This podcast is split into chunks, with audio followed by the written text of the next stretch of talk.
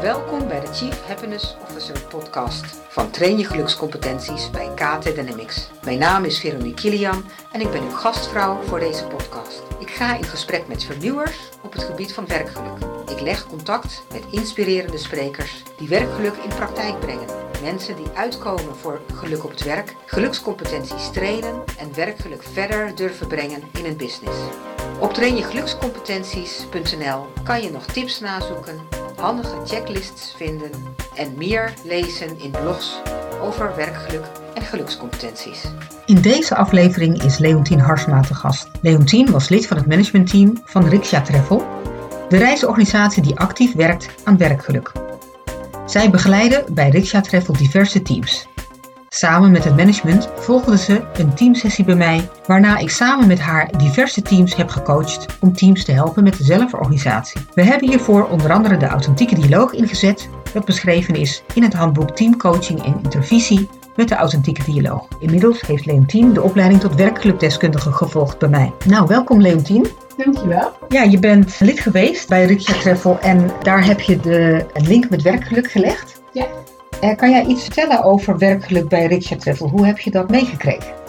Nou, eigenlijk al sinds het oprichten van Riksha Travel in 2000, uh, 20 jaar geleden, is uh, de blijheid van werknemers een van de drie doelen. Dus naast winst en continuïteit hebben we altijd gestreefd naar werkgeluk. en dat deden we eigenlijk op verschillende manieren. onder andere door het achterhalen van mensen hun talenten, zodat ze echt hun energiegevende talenten optimaal konden inzetten door iets binnen de organisatie te doen wat dus echt bij hun paste. En ook uh, door iedereen uh, bijvoorbeeld een levensmissie eh, te laten ontdekken. En die ook weer te koppelen aan de werkvisie. Dus ook daarin weer een optimale bijdrage te kunnen leveren aan de RIXA-doelen. Ook deden we heel vaak, ja, organiseerden we borrels. Maar ook stonden we uit, uitgebreid stil bij jubilea. De jubilea van de mensen die bij ons werkten. Of ze nou vijf of tien of vijftien jaar in dienst waren. Maar ook uh, ja, de jubilea van Riksja zelf. Dus uh, bestond vijf jaar en dan gingen we echt met elkaar op pad. Dus dat, uh, ja, dat waren hele gave weekenden. En wat ik ook een hele leuke vond, wat voor mij heel erg kenmerkend is van ja, een organisatie die streeft naar werkgeluk en blije mensen. Je kon echt jezelf zijn met Riksja. Of je nou op slippers of op pantoffels liep, of verkleden of een keer in je pyjama naar werk kon, kwam. Het kon eigenlijk allemaal. Dus dat, dat vond ik heel erg gaaf. Nou, fantastisch. Ja, ja. heel erg leuk. Dat ja. droeg ook heel erg bij aan de sfeer. En iedereen deed eigenlijk ook mee, van uh, ja, het management tot de oprichter, tot ja, ook uh, iedereen in, in de sales teams bijvoorbeeld. Ja. Uh, en daardoor ontstond er ook een cultuur van vertrouwen en openheid. En iedereen, ja, de drempels die waren eigenlijk vrij, vrij laag, of, ofwel die bestonden niet. Dus iedereen kon ook meedenken, mening geven, kritische vragen stellen ook aan het managementteam. Wat zorgde voor uh, ja, heel veel betrokkenheid uh, van iedereen. Nou, dat is heel mooi. En die eerste sessie hè, die we met het managementteam gedaan hebben, dat ja. ging onder andere uh, begeleiden naar teamflow. Wat is je daar nog van bijgebleven? Nou, de eerste sessie met jou hebben we natuurlijk de authentieke dialoog ook als team gedaan. En wat heel erg kenmerk kenmerkend was voor het managementteam in Riksja, is dat we allemaal heel goed weten wat we willen en overal een mening over hebben. En daardoor komt het wel eens voor dat we niet zo goed naar elkaar uh, luisteren.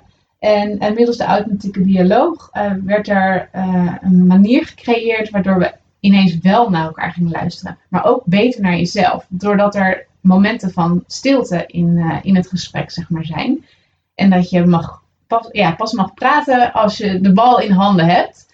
En dat was in het begin lastig, maar het maakt wel mogelijk dat je een echt goed gesprek hebt en echt naar elkaar luistert.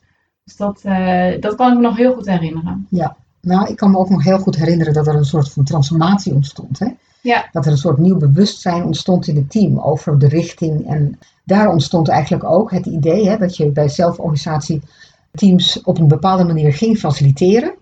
Om hun te helpen die zelforganisatie echt te gaan pakken. Ja. Ja, en ja. Uh, dat hebben we ook uh, later gedaan. En toen heb jij zelf ook nog een aantal interventies daaruit gehaald om met andere teams nog te doen. Ja. Kan je daar iets over vertellen? Ja, ja wat, sowieso heel, wat ik heel prettig vond, was eigenlijk de theoretische kennis van de verschillende fases uh, die, uit jouw boek, uh, of die in jouw boek uitgelicht worden. Uh, wat mij heel erg heeft geholpen om te herkennen waar eigenlijk een team zich in bevindt. Zodat ik gericht een interventie of een tool of wat dan ook kon inzetten om het team als het ware verder te helpen. Zo bijvoorbeeld bij de eerste fase, dat mensen elkaar echt leren kennen, er een veiligheid gecreëerd wordt, ja, wat eigenlijk het fundament is om als team verder te kunnen bouwen. Um, en wat, ja, wat ook heel erg niet alleen is bij teams die helemaal nieuw zijn, maar ook als er bijvoorbeeld één of twee of drie mensen bij komen. Ja. Uh, wat ook bij de huidige sales teams toen de tijd ook, uh, ook heel erg aan de orde was. Mm -hmm. Ik heb toen gevraagd om dat iedereen eigenlijk een object meenam naar de teamsessie die ik had georganiseerd om zich voor te stellen. En wel op zo'n manier dat je echt iets nieuws vertelde. Want sommige mensen kenden elkaar natuurlijk al, maar ik wilde weer een diepere laag aanboren. En ik heb zelf als facilitator ook meegedaan, omdat ik vond dat ik op die manier een soort voorbeeld kon stellen in je echt kwetsbaar opstellen. Uh, waardoor het niet meer zo op de oppervlakte blijft, maar ja, we echt uh, ja, een ander stukje van, uh, van de personen uit het team konden zien. Ja, en dat was goed gelukt? Ja, zeker. Ja, en, en dat is, vaak gaat dat ook gepaard met een emotie, of, maar dan zie je wel dat iedereen zich echt kwetsbaar opstelt dat, uh, ja, dat vond ik echt ja, fijn om te zien ook. Dat, dat mensen ja, echt zichzelf ook daar, eh, daar konden zijn. Ja, dat is heel mooi. Ja, en een, um, een ander mooi voorbeeld, want je gaf het eerder ook aan uh, dat we bezig waren met zelforganisaties. dat was een hele verandering uh, voor de teams. Voorheen hadden ze een supervisor op elk sales team zitten. Mm -hmm. En van het een op het andere moment was dat natuurlijk niet meer zo.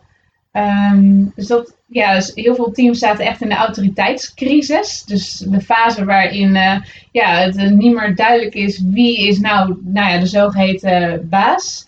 Um, of wie heeft eigenlijk welke rol en verantwoordelijkheid. Mm -hmm. En in het sales team, um, de Latino's heten ze, uh, daar, ja, daar zat zeg maar een oud supervisor. die nu ineens geen supervisor meer was. Maar dat, dat dat hing in de lucht. Wat, ja, je voelde dat er iets zwaars in de lucht hing. Want ja, dat was natuurlijk een enorme struggle van, van, van de, oud-supervisor, maar ook van het teamleden. Van ja, wie doet nou wat en wie pakt nou welke verantwoordelijkheid? Ja. Dus ik heb eigenlijk de oud-supervisor uitgenodigd om te delen in de teamsessie ja, waar zij mee worstelde, hoe zij zich nou voelde, wat er met haar gebeurde als er dingen, bepaalde dingen gezegd werden. Uh, en dat heeft zij toen gedaan. En dat, ja, dat was een hele dappere uh, actie. Uh, maar dat zorgde heel erg voor openheid. Dat opende echt, ja, dat klaarde eigenlijk de lucht en het opende ook ja, de, de, de, de, de sfeer, zeg maar. Um, waardoor andere mensen ook weer begrip hadden voor hoe zij deed, hoe zij praatte, hoe zij reageerde. en dat zorgde voor een heel mooi gesprek en ja, ook voor meer begrip onderling. Ja. En uh, op naar een nieuwe fase konden we daardoor weer. Het was echt uit de lucht. Mooi. Ja, ik kan me dat inderdaad nog herinneren. Want uh, we hebben samen zijn we diverse teams gaan coachen. Ik kan me herinneren dat op het moment dat je dan een team door de autoriteitscrisis heen leidt, zou ik maar zeggen. Waarbij er een nieuw evenwicht gaat ontstaan in het team. Dat er ook een fase komt, wat ik dan noem de intimiteitsfase. Hè, waarin het team leert om zichzelf kwetsbaar op te stellen. Ja. En dat je dan inderdaad veel makkelijker met elkaar kan samenwerken en op kan gaan naar een fase waarin er meer teamflow gaat ontstaan. Ja, zeker. Ja, super. Ja. Mhm. En je hebt ook uh, heel duidelijk met de higher brain gewerkt, hè? want dat is ook het idee van je uh, higher brain aanzetten. Dat betekent dat je veel meer en bewuster je teams uitnodigt om creatiever met elkaar te gaan samenwerken. Ja. Wat, wat heeft het higher brain voor jou gedaan? Of wat versta jij onder het higher brain? Uh, ja, ik vond dat ook een, hele, heel nieuw inzicht eigenlijk wat ik uh, van jou geleerd had. Het higher brain en het lower brain. En als je in het lower brain zit, dan zit je eigenlijk met oogkleppen op. Ben je heel erg uh, ja, bezig met je, eigen, met je eigen ding eigenlijk. Zie je niet meer de wereld om je heen. Zodra je het higher brain aan weet te zetten, um, ja, zie je ineens mogelijkheden en kansen en kan je denken in oplossingen. Uh, dus ja, dat heeft me eigenlijk toe gezet als we bijvoorbeeld met een, een team na gingen denken over een oplossing bij een, een probleem met een, een, klant of een product of wat dan ook. Dat ik dan echt eerst dat higher brain aanzette door iets met humor of een filmpje of een oefening bijvoorbeeld. Uh, op een positieve manier te gaan, gaan nadenken. Zoals bijvoorbeeld het oplossingsgericht denken. Mhm. Dat is een hele leuke oefening, een hele leuke interventie. Ehm, dat je, ja, wij Nederlanders misschien heel typisch, als je vraagt van wat geef je jezelf voor cijfer op een bepaald vlak, ja, ja, 7 en 7. Maar waarom dan? Ja, want deze, deze, deze dingen die moeten echt nog verbeteren. In plaats van de oplossingsgericht denken is uh, heel erg van waarom is het die 7 waard? En hoe kan je met één ding te noemen uh, naar een volgend uh, hoger cijfer um, gaan? En dat zetten vaak de mensen, mensen heel erg aan het denken van, oh, maar als ik dit en dit eigenlijk allemaal zeg waarom het die 7 waard is, oh, misschien is het dan wel een 8 of een 9. Want eigenlijk hoef ik nog maar één dingetje te doen en dan is het misschien wel, nou ja, bij wijze van perfect. Ja. Dus dat, dat, dat maakte echt een, uh, ja, dat zeiden mensen ook, van het lijkt of, of er iets veranderd is in mijn hersenen, een soort knopje om. Ja. Uh, dat ik ineens de positieve dingen heel erg uh, nu zie. Ja. Dus dat, ja, dat higher brain, dat, of ik ging gewoon even lekker een rare oefening doen voordat we een, een meeting hadden om een besluit te nemen bijvoorbeeld. Maar echt even loskomen en dat, ja, dat positieve oplossingsgerichte ja. denken aanzetten. Ja, nou dat is eh, super. Ja. dus dan is het ook echt uh, positiviteitsvaardigheid, zou je ja, kunnen zeggen. Ja, zeker. En ik herinner me ook nog een van de teams die we samen deden. Daar hebben we dus dat oplossingsgericht denken hebben we ingevoerd. Of eigenlijk als werkvorm ingezet. Mm -hmm. En ik herinner me een van de teamleden die voor zichzelf ging opschrijven. Van, nou, hoe ver zijn we eigenlijk al met ons team als we een soort van nastreven wat voor teambeeld we hebben, wat we met elkaar willen bereiken. En die schreef elke keer de positieve dingen op. En eerst had ze een 6. En doordat ze ging opschrijven wat er positief was, zei ze: Nou, nee, het moet een 7 zijn. Nou, nee, het moet toch een 8 zijn. Ja. En het, het, leuke is dat ze ook zei: van ja, het lijkt wel of er kortsluiting ontstond in mijn hersenen. Ja, Omdat zij uh, toch elke keer dacht: van nou, het is uh, iets het is positiever dan ik dacht. Ja. Ja, in plaats van uh, al die aandacht voor wat er niet goed is. Ja, precies. Ja, heel mooi vond ik dat inderdaad. Ja. Je bent uh, werkgelukdeskundige, hè? Je hebt uh, de opleiding gevolgd tot werkgelukdeskundige. Ja. En als je jouw top drie inzichten zou noemen, wat heeft je dat opgeleverd? Welke inzichten heb je nu? nou, het eerste inzicht voor mij persoonlijk is dat ik nu heb geleerd en de tools en, en, in handen heb om stap voor stap mijn oude hardnekkige patronen eigenlijk te doorbreken. Zijn eigenlijk zoveel verschillende manieren uh, waarop, je, ze, waarop ik zelf kan werken aan, aan meer werkgeluk of meer geluk. Want je kan het ook ja, in, je, in je privéleven natuurlijk gebruiken. Dus echt wat stapsgewijs. Dus het heel praktisch weten te maken vanuit ook de theorie in, in jouw boek en in de opleiding. Dat is nummer één. En de, het tweede wat ik uh, aan mijn lijve heb ervaren is dat als ik op een bepaalde manier bezig ben met bijvoorbeeld verrassingsvaardigheid of met de competentie spelen of de competentie uh, dreambuilding, um, dat dat ook aanstekelijk werkt naar, naar je omgeving. of naar mijn omgeving in ieder geval. Um, en dan komt een soort beweging op gang. En, en ja, dat is ook heel grappig om, om te merken. En daar word ik natuurlijk ook weer gelukkiger van als ik dat zo, zo zie. Ja, zeker. En uh, uh, de derde vond ik, uh, derde grootste inzicht is eigenlijk heel erg op het bedrijfsleven en, en, het, en het helpen van organisaties om meer werkgeluk na te streven. Is dat vaak kleeft aan werkgeluk, kleeft iets van, oh het is zweverig en vaag en maar eigenlijk gaat het natuurlijk heel erg over bevlogen aan de slag zijn met datgene wat je doet bij een bedrijf.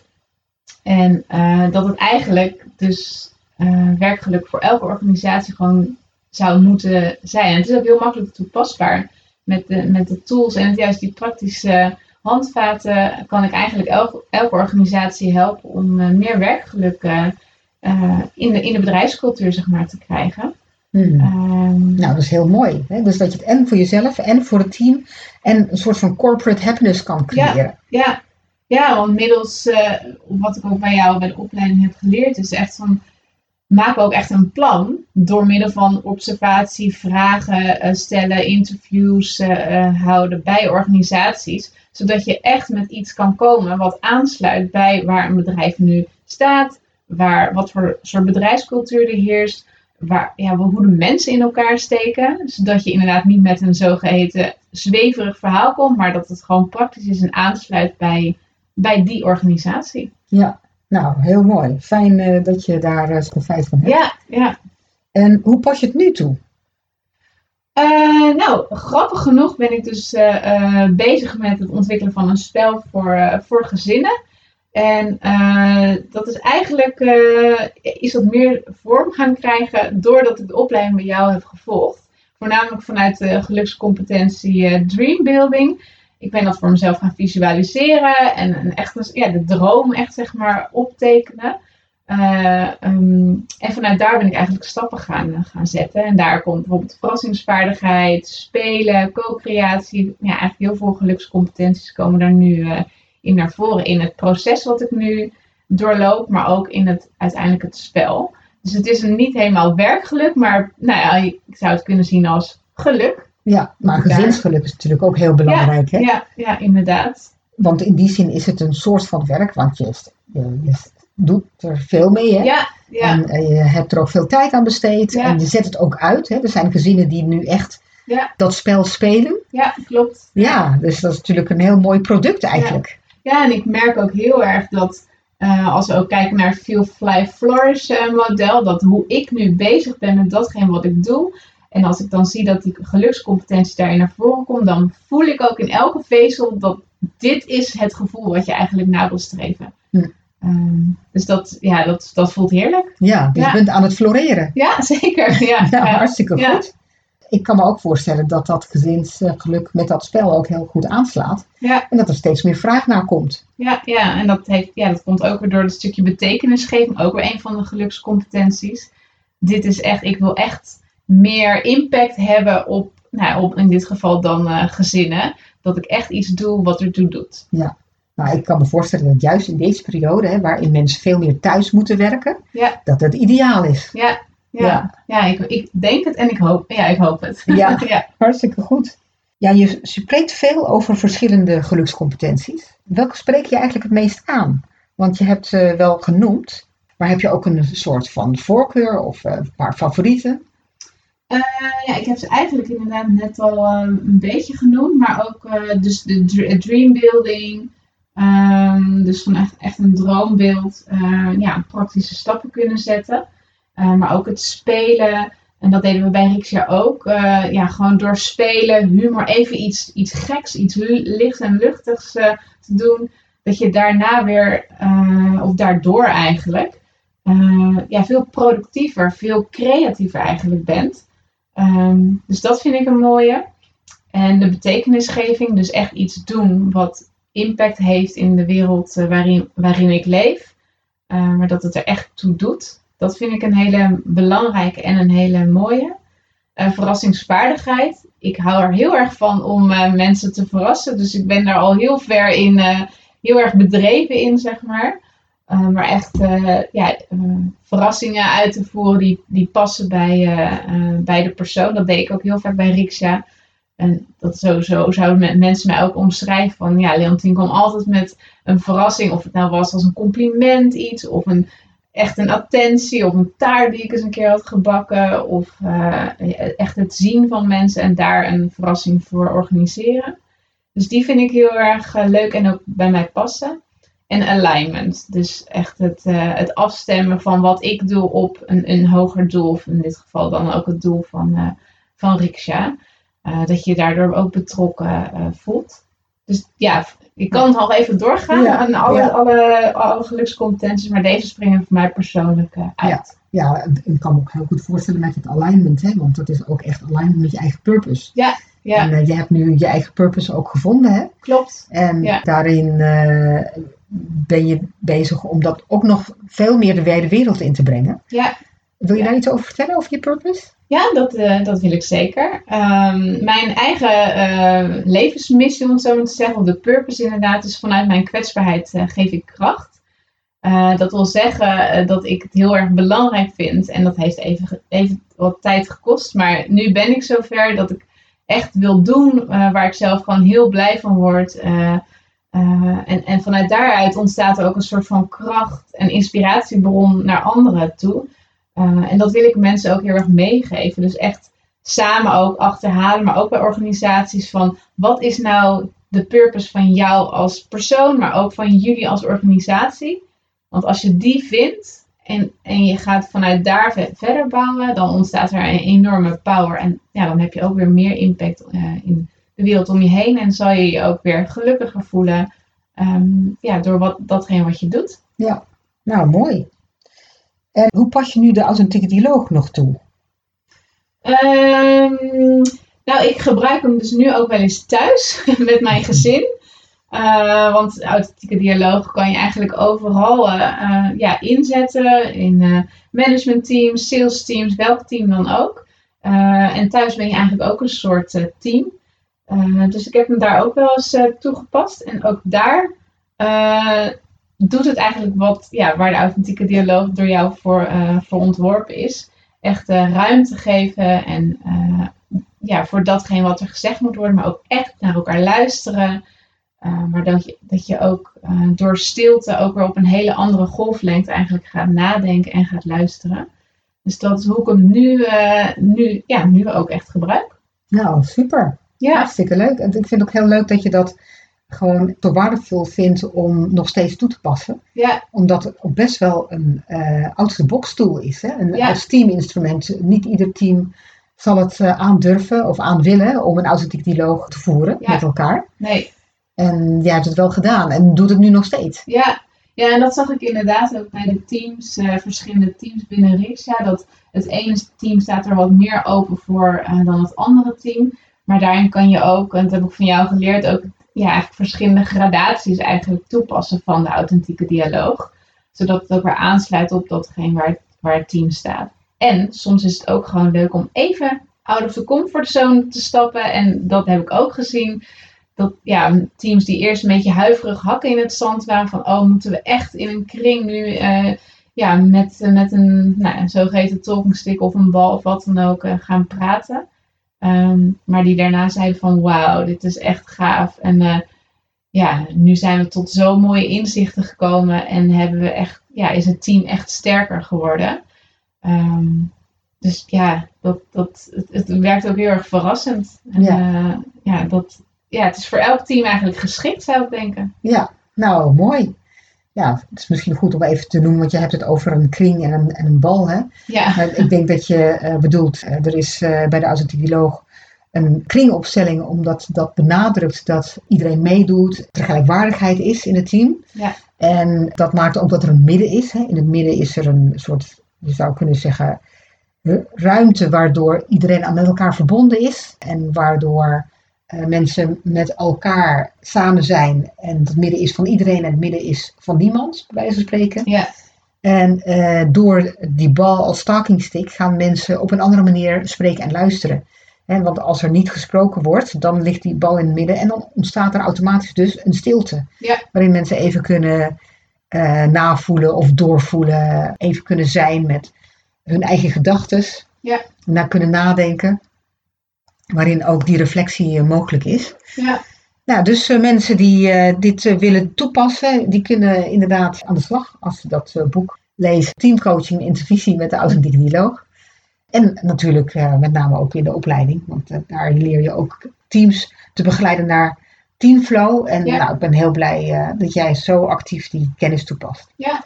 Dus uh, houd ons op de hoogte met het, het gezinsspel. Ja, ik doen. ja, de ontwikkelingen. En ja. uh, nou, dat gaat vast de goede kant op. Want als je het over dat gezinsspel hebt, dan gaan je ogen zo stralen. Ja.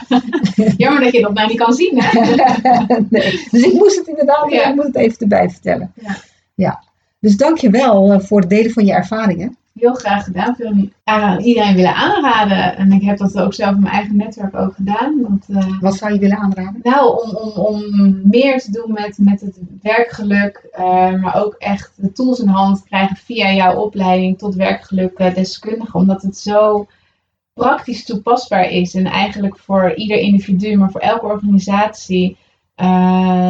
ja, gewoon te gebruiken is. En ja, eigenlijk dom zijn, bewijzen van uh, als je niks doet met werkgeluk. Want wie wil er nou niet uh, ja, bevlogen aan de slag uh, kunnen? Ja.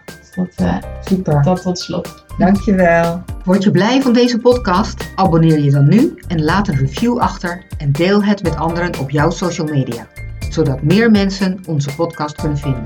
Heb je ideeën, tips of wil je een onderwerp inbrengen voor deze podcast? Neem dan contact op via mail, Facebook, WhatsApp of bel. Ook als je een keer wilt proeven van een gratis 1 op 1 sessie. Alle contactgegevens vind je op de website trainjegelukscompetenties.nl. Hier kan je ook het boek Geluk op het werk, train je gelukscompetenties bestellen. Wil je nou zelf aan de slag met werkgeluk? Volg dan de opleiding tot werkgelukdeskundige en Teamflow Coach. Op onze website vind je meer informatie over hoe we jou willen inspireren met ons netwerk. Wil je meer weten over concrete handvatten, praktijkvoorbeelden van andere organisaties of Chief Happiness Officers ontmoeten? Kijk dan in de blogs of kom naar een van onze events. Tot de volgende keer!